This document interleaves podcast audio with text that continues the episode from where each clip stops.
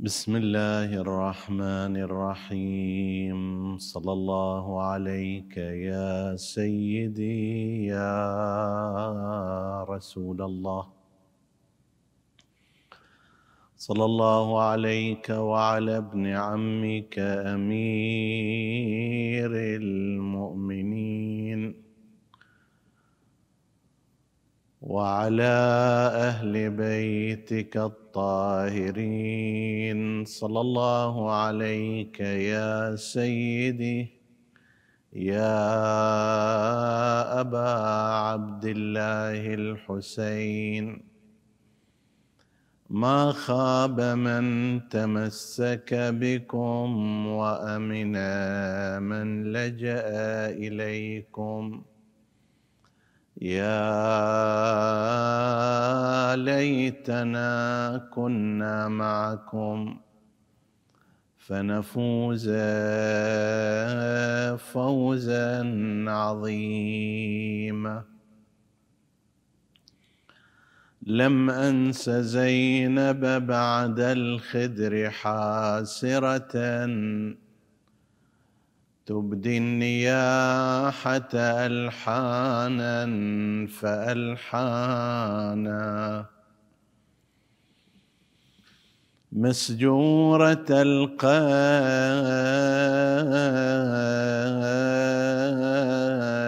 إلا أن أعينها كالمعصرات تصب الدمع عقيانها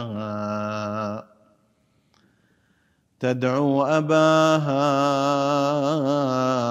أمير المؤمنين. ألا يا والدي حكمت فينا رعايانا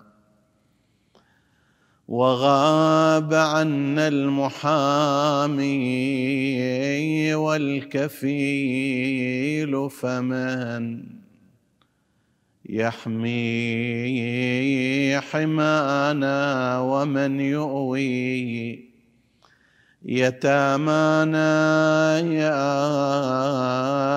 يا إن عسعس الليل وارى بذل أوجهنا وإن تنفس وجه الصبح أبدانا.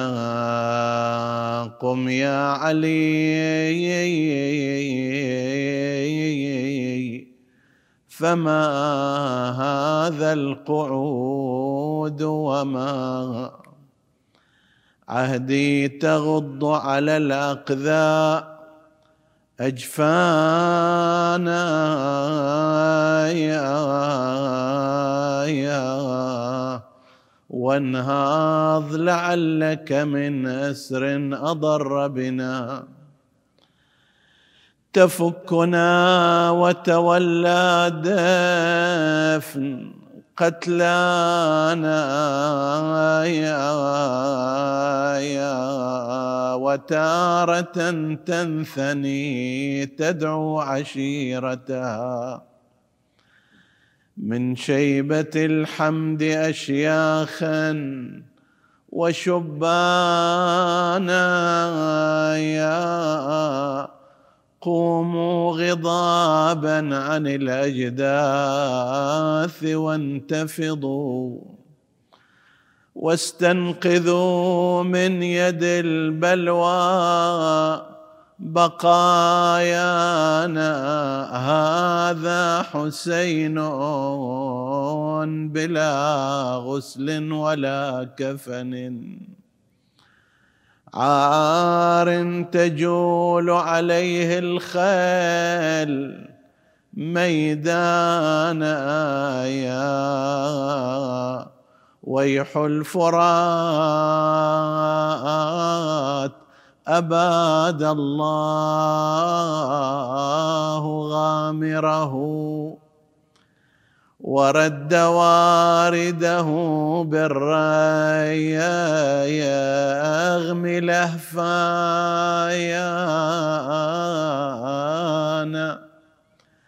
لم يطف حر غليل السيب بارده حتى قضى في سبيل الله. يا عطشان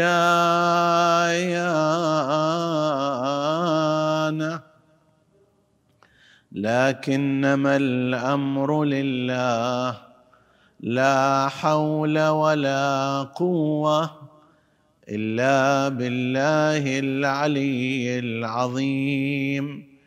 إنا لله وإنا إليه راجعون وسيعلم الذين ظلموا اي منقلب ينقلبون والعاقبه للمتقين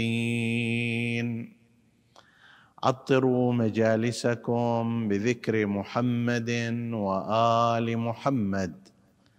اللهم صل على محمد وآل محمد. اللهم صل على محمد وآل محمد.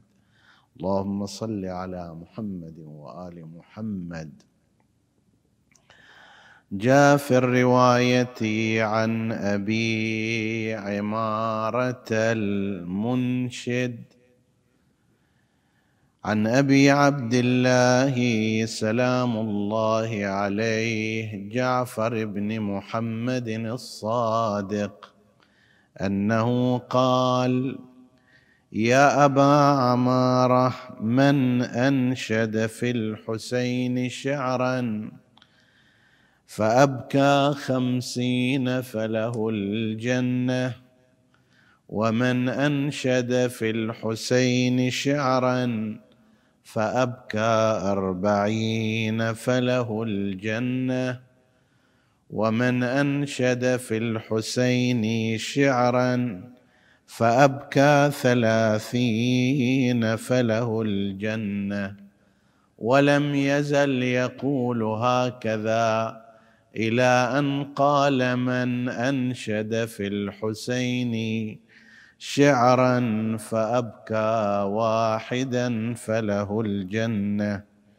صدق سيدنا ومولانا أبو عبد الله جعفر بن محمد الصادق عليه السلام.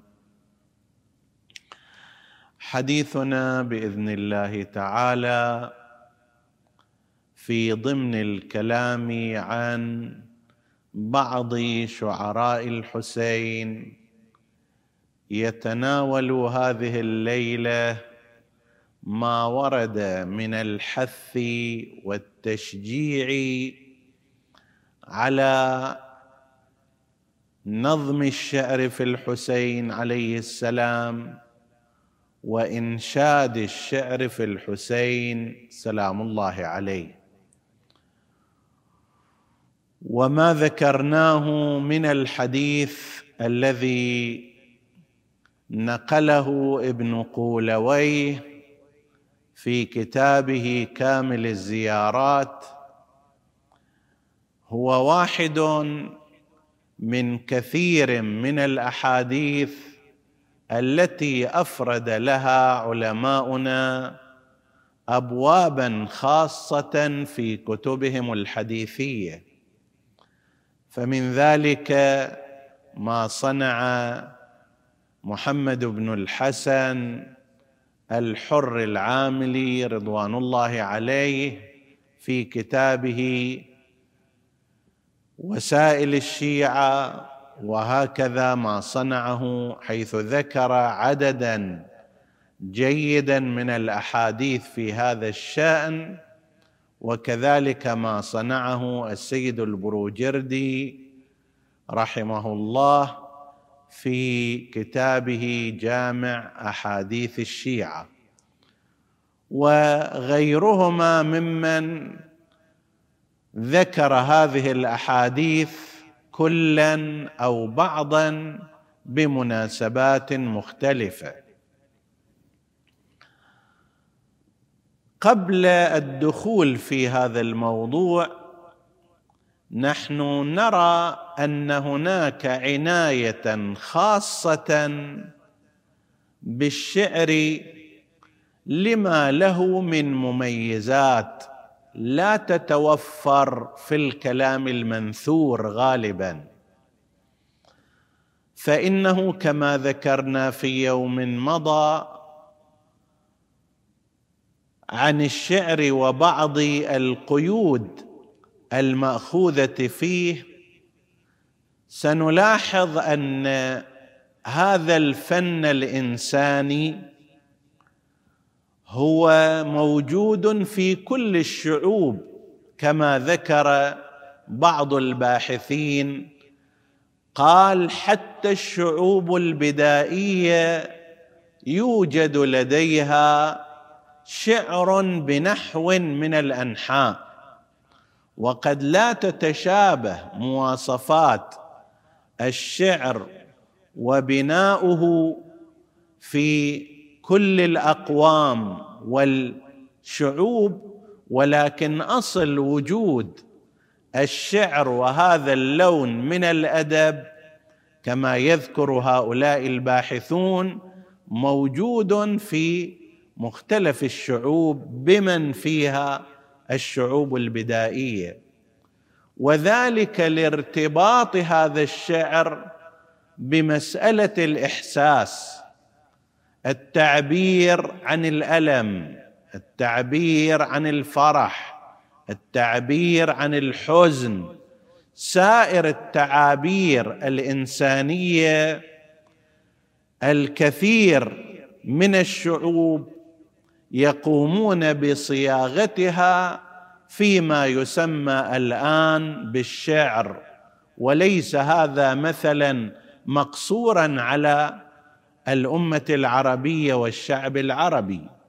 نعم في المجتمع العربي تفوقوا في ذلك وبرعوا فيه وذلك لخصائص في نفس هذه اللغة اللغة العربية حيث أنها تعتبر من أنضج وأوسع اللغات بالنسبة إلى البشر وربما لهذا السبب كما ذكر بعض الباحثين في القرآن ربما يكون لهذا السبب أي سعة هذه اللغة وقدرتها على استيعاب المعاني الكبيرة وتمدد الكلمات فيها عبر نظام الاشتقاق ربما يكون لهذا جعلت وعاء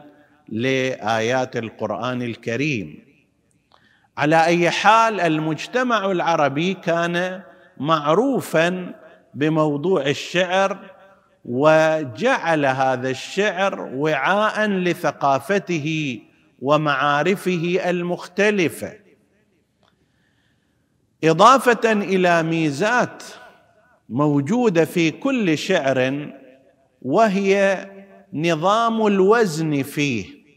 يفترض أن الفارق الأساس بين الكلام المنثور الذي يتخاطب به الناس في حياتهم الاعتيادية وبين الشعر أن في قصيدة الشعر هناك بناء موزون ويعتمد على نظام موسيقي حسب ما يقولون.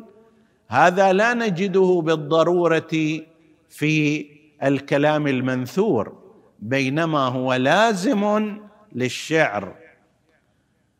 هذا الأمر يريح من يريد أن يعبر عن أحاسيسه.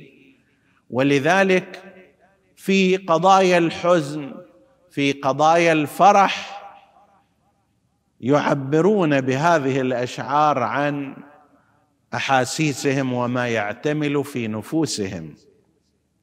كذلك أيضا فإن وجود قافية موحدة فيه كما هو الحال في الشعر المعروف العمودي وهو الأساس. في الشعر يجعل هذه المقطوعة التي تحتوي على تلك الأحاسيس سهلة الحفظ بالإضافة إلى وجود بناء موسيقي فيها وهناك بالإضافة إلى ذلك ما يتقوم به الشعر مما قلناه فيما مضى أن الشاعر يلتفت إلى بعض المناسبات التي قد لا يلتفت إليها غيره فيضمنها في شعره.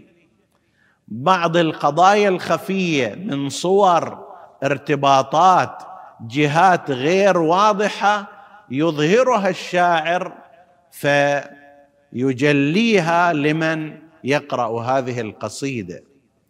هذه من ميزات الشعر على النثر وهناك ميزات أخر لا نتعرض إليها. هذا الأمر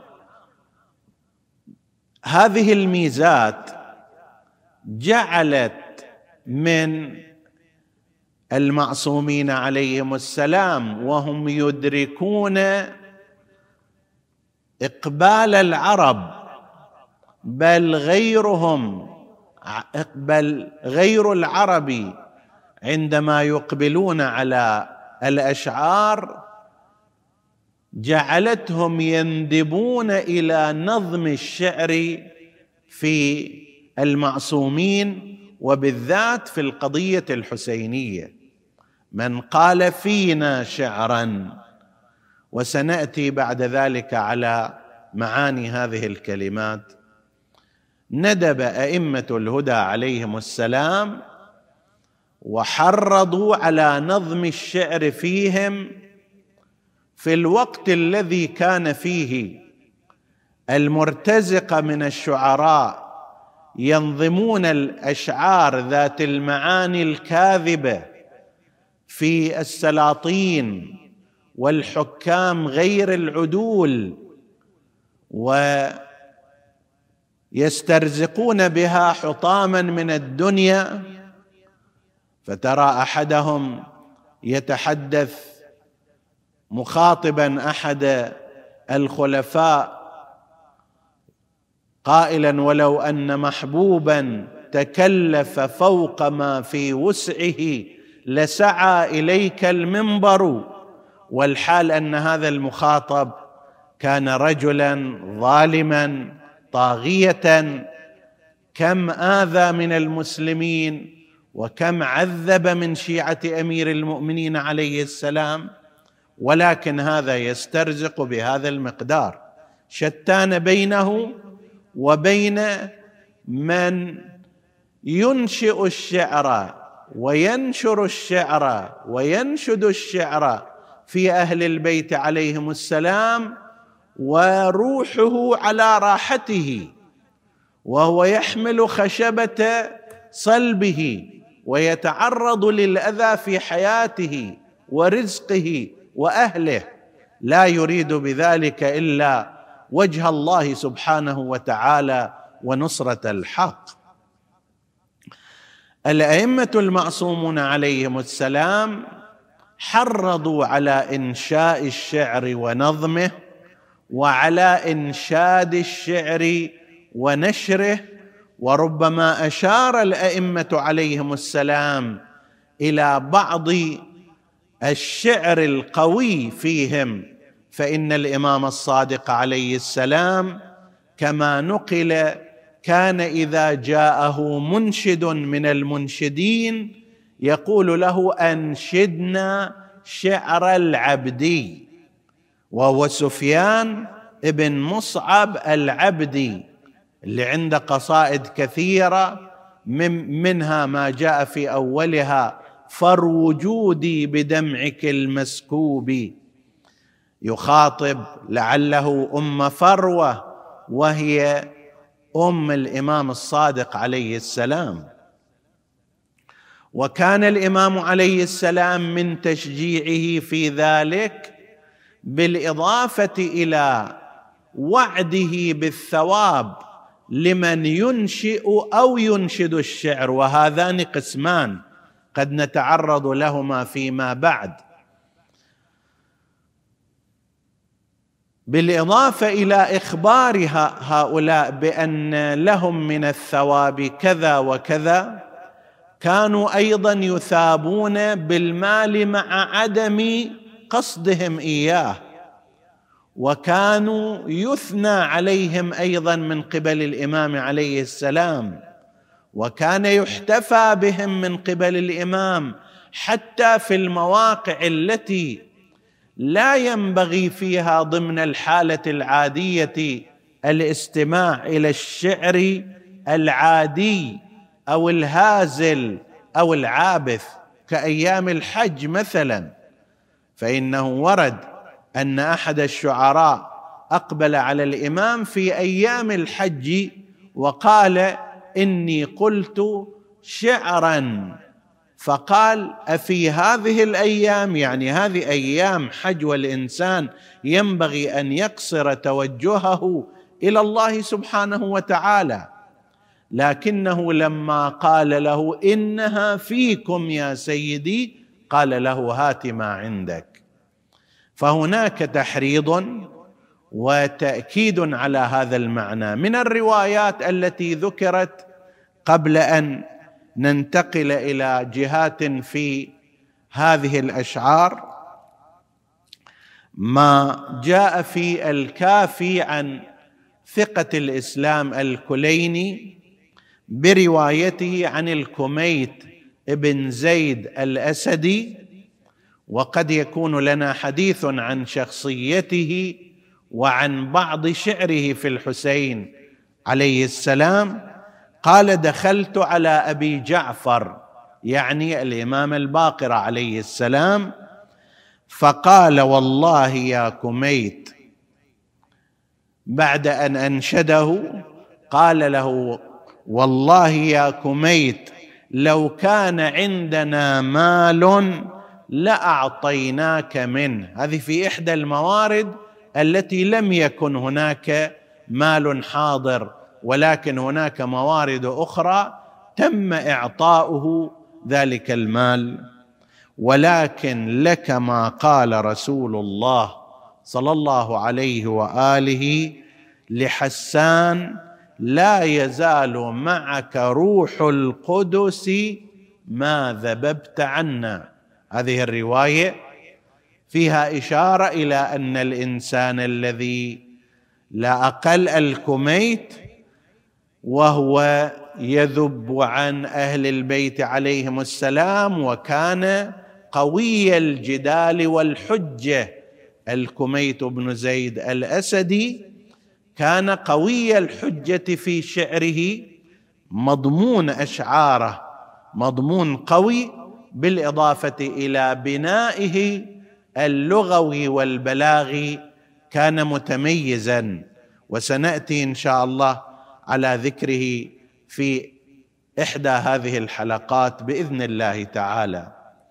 الحديث الآخر الذي قلناه عندما دخل أبو عمارة أو عمارة المنشد وهنا سوف نلتقي بعدد من الأشخاص بعنوان المنشد مثل هذا الرجل مثل أبو هارون المكفوك المكفوف وبعضهم كان متمحضا في هذا وبعضهم الآخر كان ربما أنشد شعرا. لم يعرف بأنه منشد كالفضيل ابن الزبير الرسان الكوفي اللي دخل على الإمام الصادق عليه السلام وهو هذا الفضيل كان ممن جاهد بين يدي الشهيد زيد بن علي بن الحسين عليه السلام في ثورته ضد الأمويين وأبدى الإمام عليه السلام له توجعه وتفجعه بما حل بزيد الشهيد. وبعد ذلك طلب منه أن ينشد إليه وأن يقرأ عليه بعض القصائد فقرأ عليه قصيدة لأم عمرو باللوى مربع خاشعة أعلامه خاشعة أعلامه بلقع. ف وهي قصيدة غراء فيها مظلومية أمير المؤمنين عليه السلام بشكل أساس في إبعاده عن الخلافة والولاية بالرغم من وضوح حقه في ما يرتبط بالغدير ثم التعريج على أهل البيت عليهم السلام. فهذا مثلا الفضيل بن الزبير الرسان لا يشار إليه كلقب رسمي بأنه المنشد ولكنه هنا كان ينشد للإمام عليه السلام فبكى الإمام عليه السلام وبكى من كان وراء الستار من النساء. وهذا الحديث وأمثاله يشير إلى أن قضية المجالس التي كان يحضرها الرجال والنساء في زمان الأئمة كانت موجودة غاية الأمر كان يناط هناك ويسدل ستر بين النساء والرجال وربما سمع المنشد أو القارئ أيضا صياح النسوة وبكاء النسوة. بحضور الإمام عليه السلام مما يفيد أن هذا المقدار لا يكون فيه إشكال شرعي أو ملاحظة دينية. من ذلك أيضا من الروايات ما عن عبد الله بن الفضل الهاشمي قال أبو عبد الله عليه السلام من قال فينا بيتا من الشعر أو بيت شعر بنى الله له بيتا في الجنة. وعن علي بن سالم عن أبي عبد الله الصادق عليه السلام قال ما قال فينا قائل بيت شعر حتى يؤيد بروح القدس وهذا الحديث يوسع الحديث الذي قاله الإمام الباقر للكميت. كأن لسان ذلك الحديث أن هذا خاص لك. لا تزال مؤيدا بروح القدس ما ذببت عنا بلسانك واستشهد بما قاله رسول الله لحسان بن ثابت. فقد يقول إنسان هذه قضية شخصية. أمر يرتبط بالكوميت مثل ما كان يرتبط بحسان حسب كلام رسول الله. هذا الحديث لا. يقول ما من من ما قال فينا قائل بيت شعر حتى يؤيد بروح القدس. هذا الإنسان الذي يقول بيت الشعر في آل محمد عليهم السلام ويتوجه إليهم ولا يتوجه إلى غيرهم ويبدع صورة من الصور في تخليد مناقبهم ومآثرهم وذكرهم.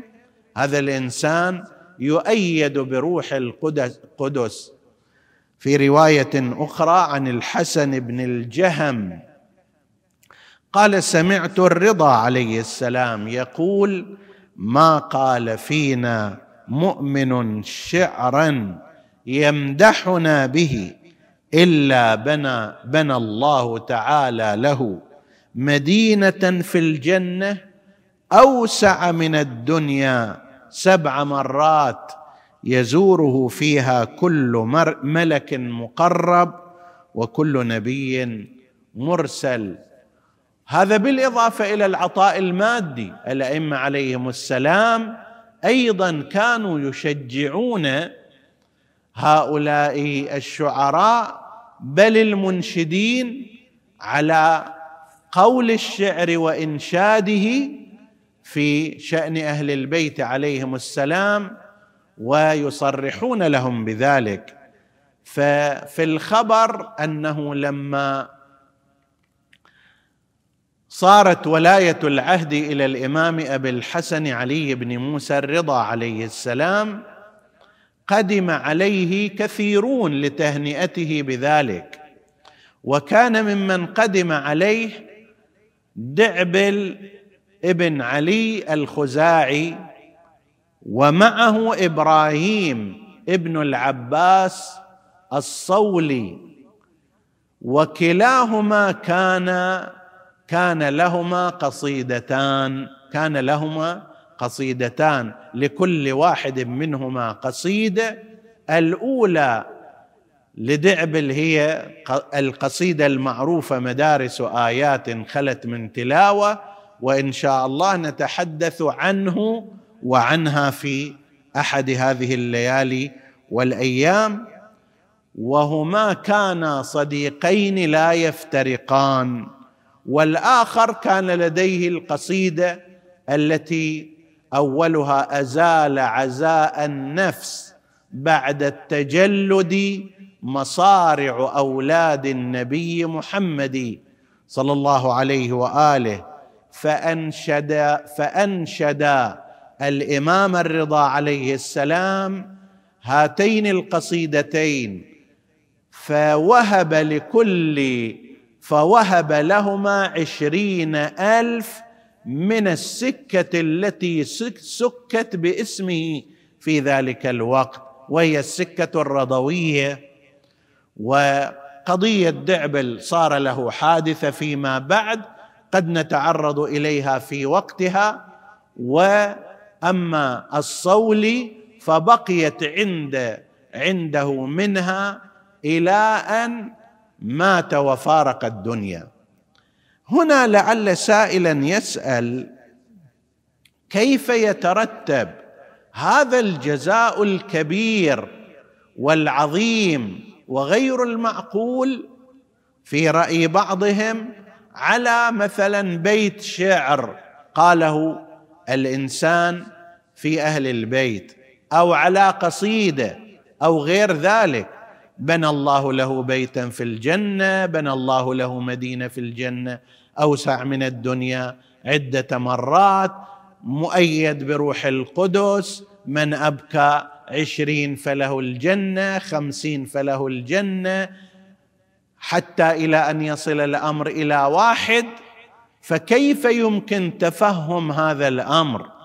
وهي من الكثرة والتعدد بل والأشباه والنظائر ما لا تحتاج إلى مراجعة لأسانيدها وإلى رواتها فإن كثرتها وتضافرها بل وتواترها من حيث المعنى يغني عن كل ذلك.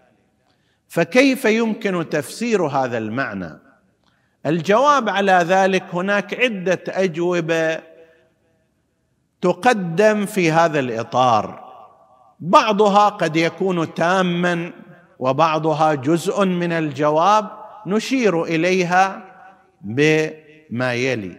الجواب الأول الذي قدم يبتني على أن الله سبحانه وتعالى كرمه أوسع مما نتصور. كرم الله سبحانه وتعالى وعطاؤه فوق مقاييسنا. نحن مقاييسنا مقاييس البشر. نربط بين العمل وبين الجزاء. الإنسان فلان اشتغل عندي ساعة من الوقت مثلا أعطيه مثلا عشرة دولار عشرة ريال أكثر أقل أما أن أعطيه مرة واحدة بدل العشرة دولار ألف دولار أو ألفات أو ألفي دولار هذا يعتبر في مقاييسنا أمر غير حكيم وغير معقول. ليش؟ لأن إحنا مقاييسنا ضمن هذه الأطر. ليس من الصحيح أن نحمل مقاييسنا المخلوقة وهي لمخلوقين على ما يرتبط بالله عز وجل وهو الخالق. والشاهد على ذلك أن هذا المقياس غير صادق. المقياس في البشر.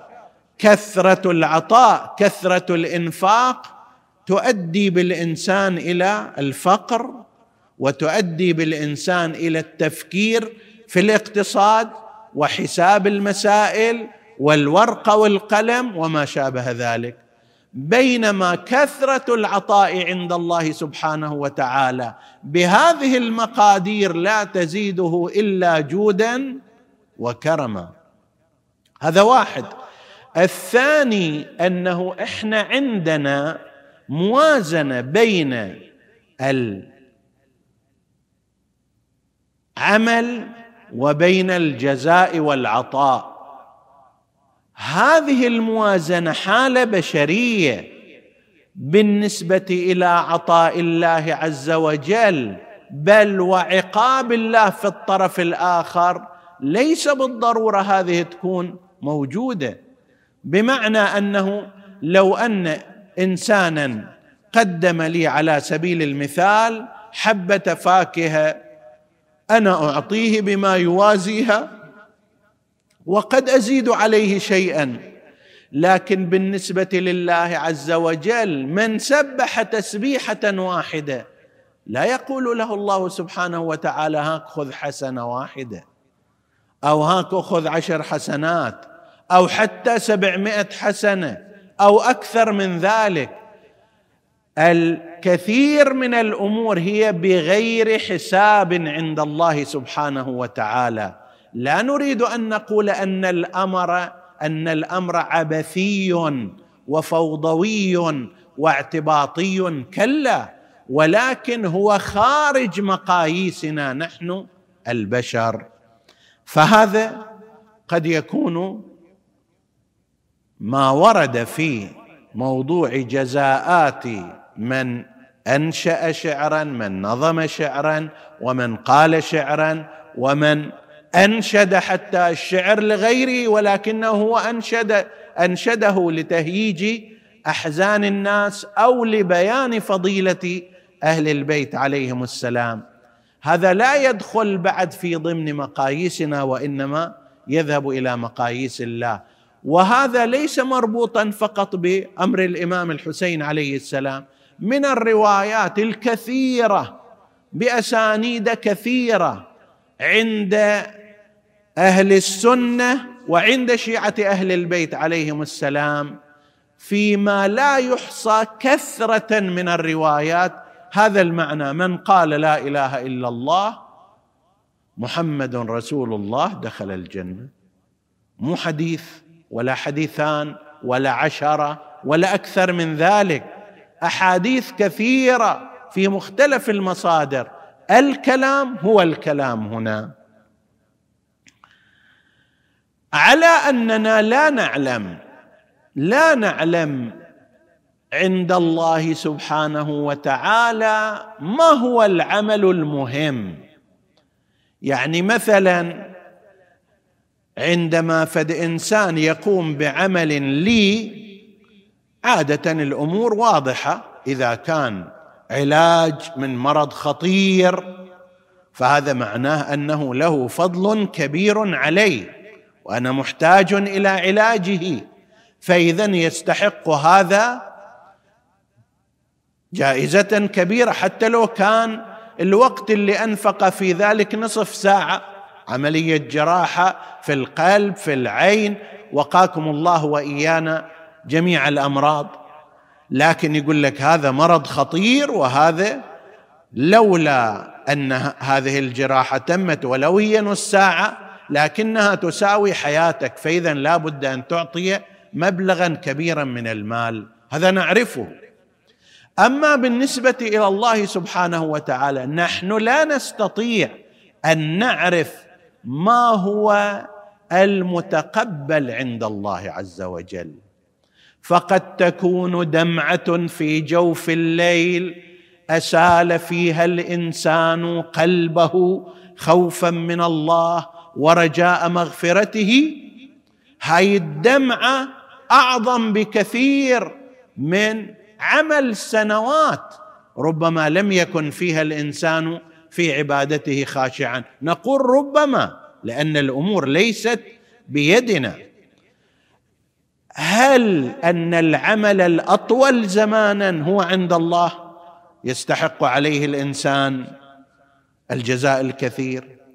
أو الأكثر مشقة أو الذي ينفق فيه الإنسان شيئا كثيرا من أمواله أو غير ذلك المقاييس ليست بالضرورة موجودة بأيدينا.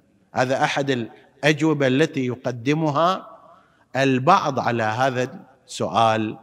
ما يرتبط ببيت شعر سيبقى ملهما للناس الآن عندما بيت الشعر الذي قاله دعبل الخزاعي أو قاله لنفترض الفرزدق في الإمام زين العابدين عليه السلام أو قاله فلان شاعر الكوميت أو غيره ويبقى على مدى آلاف السنين ملهما للناس الإيمان والصبر والصمود والولاء لأهل البيت عليهم السلام. هذا لا تقيمه بأنه قال بيت شعر مؤلف مثلا من عشر كلمات موزونة. لتنظر إلى هذا وهذا من أجل التقريب فقط. فهل هذا الشعر مثلا له القيمة العظمى عند الله سبحانه وتعالى وهو والله يعلم بأثره في ملايين البشر على طول التاريخ؟ أو لغير ذلك من الأسباب؟ نحن لا نعلم ما هو الأفضل والأقوى والأكثر اجرا عند الله سبحانه وتعالى. نحتمل هذا ونحتمل ذاك. فما يدريك أن يكون بيت الشعر هذا الذي سيصار من خلاله إلى أن يتمثله المؤمنون في طول التاريخ؟ ما يدرك أن هذا أكثر عظمه وفاضل من صلاة نفس الشاعر عشرات السنين مثلا. فهذا واحد من الأجوبة التي يمكن أن تقال.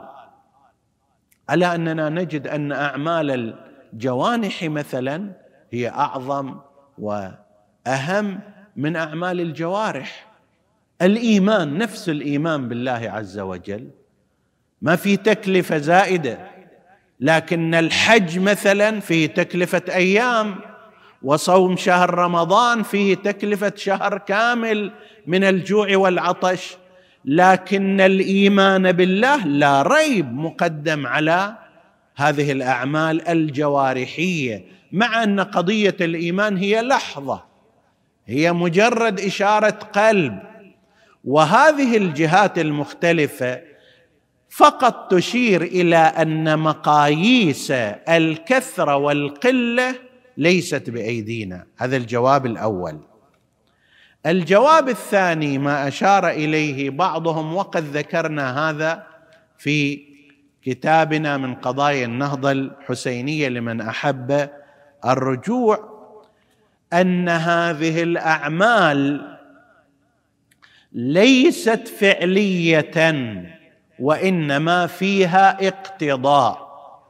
بمعنى أن الطبيب مثلا عندما يقول إذا شربت حبة البنادول على سبيل المثال طيب فإن الحمى وارتفاع الحرارة يذهب عنك. ماذا يعني بكلامه هذا؟ يعني هذه الحبة وهذا القرص فيه اقتضاء فيه قدرة على أن يشفيك من الحمى ووجع الرأس بشرط الا تتناول الممنوعات. فلو فرضنا أن إنسانا أخذ حبة البنادول ثم تعرض لتيار الهواء البارد وهو عار عن الملابس لا ينفعه ذلك. هل معنى ذلك أن هذه الحبة أو القرص لا ينفع؟ لا ينفع ولكن لا بد فيه اقتضاء فيه قابلية فيه إمكانية مع رفع الموانع الأخرى. من أنشد بيتا ومن نظم بيتا ومن قال فينا بيت شعر إنما هو أيضا من هذا القبيل. فيه قابلية أن يوصل الإنسان إلى الجنة إذا لم تتوفر الموانع التي تمنع عنه. فلو قال لا سمح الله بيت شعر على سبيل المثال ثم ترك الصلاة. قال بيت شعر ثم كفر بالله عز وجل. قال شعر ثم كفر برسول الله. هذا لا ينفعه في شيء. وإنما المقصود هذا فيه القابلية إذا ضم إليها ارتفاع الموانع آنئذ يترتب الأثر. ومن ذلك أيضا ما يشار إليه أنه هذه من الأجوبة أن هذه الروايات مقيدة بروايات أخر وهو طريقة المعصومين عليهم السلام بل طريقة القرآن الكريم. القرآن الكريم تراه في بعض الأحيان يأتي بصفة واحدة للإنسان المؤمن. طيب الذين إذا ذكر الله وجلت قلوبهم وإذا تليت عليهم آياته زادتهم إيمانا. أولئك هم المؤمنون حقا. بس هذا يعني لو لم يصوموا أيضا كذلك لو لم يزكوا أيضا كذلك لو لم يفعلوا سائر الواجبات ولم يتركوا المحرمات أيضا كذلك كلا وإنما هذا بالإضافة إلى سائر ما ورد في صفات المؤمنين في آيات القرآن الكريم وفي أحاديث المعصومين عليهم السلام. هنا أيضا نفس الكلام. هذه الروايات لا بد من حملها على سائر الروايات الأخرى وتقييدها بها. من قال بيت شعر وهو مؤمن. من قال بيت شعر وهو مصل. من قال بيت شعر وهو صائم. من قال بيت شعر وهو ملتزم بسائر الأحكام تترتب عليه هذه الجزاءات. بقية الأمور لا ارتباط بها. مثلا من وصف الشجرة ما في قابلية هذا. لا قابلية له لأن يكتب له بيت في الجنة. من قال بيت شعر عبثا. من قال بيت شعر هجاء لإنسان مؤمن أو لفئة مسلمة لا يترتب عليه ذلك. فإذا هذه الروايات لا بد من حملها على روايات أخر وتقييدها بها حتى تصبح متكاملة وآنئذ يترتب عليها الجزاء والعطاء. حث أئمة الهدى عليهم السلام. على قضية الشعر وإنشائه وإنشاده في أهل البيت عليهم السلام وذكروا وهم العالمون بما عندهم من جدهم رسول الله صلى الله عليه وآله وهم ورثة علمه ذكروا من الأخبار ما فيه جزاءات عظيمة لمن أنشأ الشعر ولمن أنشده ولذا وذلك ربما يكون لما سيبقى من الشعر في مستقبل الأيام وهذا سنشير إليه في أن القصيدة في الحسين والشعر في الحسين ما الذي يصنع في وقت لاحق إن شاء الله؟ المصيبة الحسينية والمأساة الحسينية كانت كما وصفت في الزيارات جلت وعظمت في السماوات على جميع أهل السماوات فكان حقا لها أن توصف من قبل أهل الأرض بأفضل ما يمكن وبأحسن ما يمكن تجلى جوانبها وتعرف خفاياها ويربط الناس عاطفيا وشعوريا بهذه من خلال تلك القصائد سواء كانت قصائد فصيحة أو كانت باللغة الدارجة. وقد نتعرض إلى هذا الجانب الآخر أيضا فيما يأتي من الأيام. نحن في هذه الأيام في أجواء ما بعد مصرع الحسين عليه السلام. وهذه الأجواء التي بدأت فيها مصائب لا تقل عن مصيبة الحسين عليه السلام. وذلك بعد أن سبيت النساء وأخذن إلى الكوفة وهن على حال يأباها كل إنسان لأهله ولأقاربه ولكن أولئك الأجلاف أولئك الغلاظ أولئك الفاسدون. بداية من الحاكم الأعلى ومرورا بالقادة الميدانيين لم يأبوا عن جعل عيال رسول الله وأسرة رسول الله وعائلة أمير المؤمنين عليه السلام ونساء الحسين سلام الله عليهم أجمعين أن يجعلوهم في هذه الصورة من تكشيفهم للناس ومن تفريج الناس عليهم ومن أخذهم على تلك الجمال الضلع العجف حتى أدخلن إلى الكوفة يتفرج عليهن كما تقول سيدتنا زينب عليها عليها السلام يستشرفهن أهل المناهل والمناقل وينظر إليهن الشريف والوضيع والكبير والصغير. ليس لهن من ولاتهن ولي ولا من حماتهن حمي. حتى إذا دخلوا إلى الكوفة جاءت القبائل. وهذا هو الوضع الطبيعي لأن هذه القبائل والعشائر لا تقبل لمن كان من ينتسب إليها من النساء أن تسير بهذه الصورة. فجاء بنو فزارة وأخرجوا من كان من المسبيات من بني فزارة. نادوا عليهن بأسمائهن. وجاءت بنو تميم وفعلوا كذلك. وجاءت كندة ومذحج وغير هذه وغير هذه القبائل واستخلصت نساءها وأطفالها من الركب. وأما زينب سلام الله عليها. فإنها كانت وهي مخدرة أبيها وعقيلة الطالبيين والهاشميين.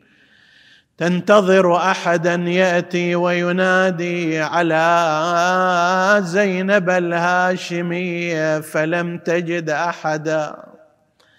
كأني بها ولسان حالها كل من لها وليان جوها جوها صاحوا باسمها وطلعوها. طلعوها ومن الأجانب خلصوها خلصوها. وزينب أهلها تعذروها. يا ويلي وليان وليان مصابي ما جرى على الإنس. واليايان واليايان وحق الليالي المضن. واليايان أنا زينب زينب وعندي حزام. واليان أروح ميسرة وأمشي. أمشي سبيه كأني بها بعدما يئست من أوليائها توجهت إلى أهل الكوفة مخاطبة إياهم بلسان الحال جنكم يا الكوفان. ما تدرون بينا. آل الرسول وحيدر الكرار أبونا. تدرون بينا من عشيرة وعزوة وامجاياد صبح ومساء ما تنقطيع. عنا الوفاد وتتصدقون على اليتامى بفاضل الزاد. يا ليت فاعل هالفعيل تقطع يمينه بس يا أهل الكوفة علينا من الشماتة ونزلوا بعدها الرأس من عالي قناته. فوق الرمح مشهور ويعاين بناته. الأطفال كل من دمعته تجري بعينه. هذه يتاماكم تلوذ ببعضها. ولكم نساء تلتجي بنسائي نسألك اللهم وندعوك باسمك العظيم الأعظم. الأعز الأجل الأكرم يا الله. اغفر لنا ذنوبنا كفر عنا سيئاتنا. آمنا في أوطاننا. لا تسلط علينا من لا يخافك ولا يرحمنا. ولا تفرق بيننا وبين محمد وآله طرفة عين. فضل اللهم إخواني السامعين فردا فردا وأقض حوائجهم. اشف اللهم مرضاهم لا سيما المرضى المنظورين. ومن أوصانا بالدعاء. وتقبل اللهم عمل المؤسسين بأحسن القبول. إلى أرواح موتاهم وموت السامعين نهدي ثواب الفاتحة. تسبقها الصلوات.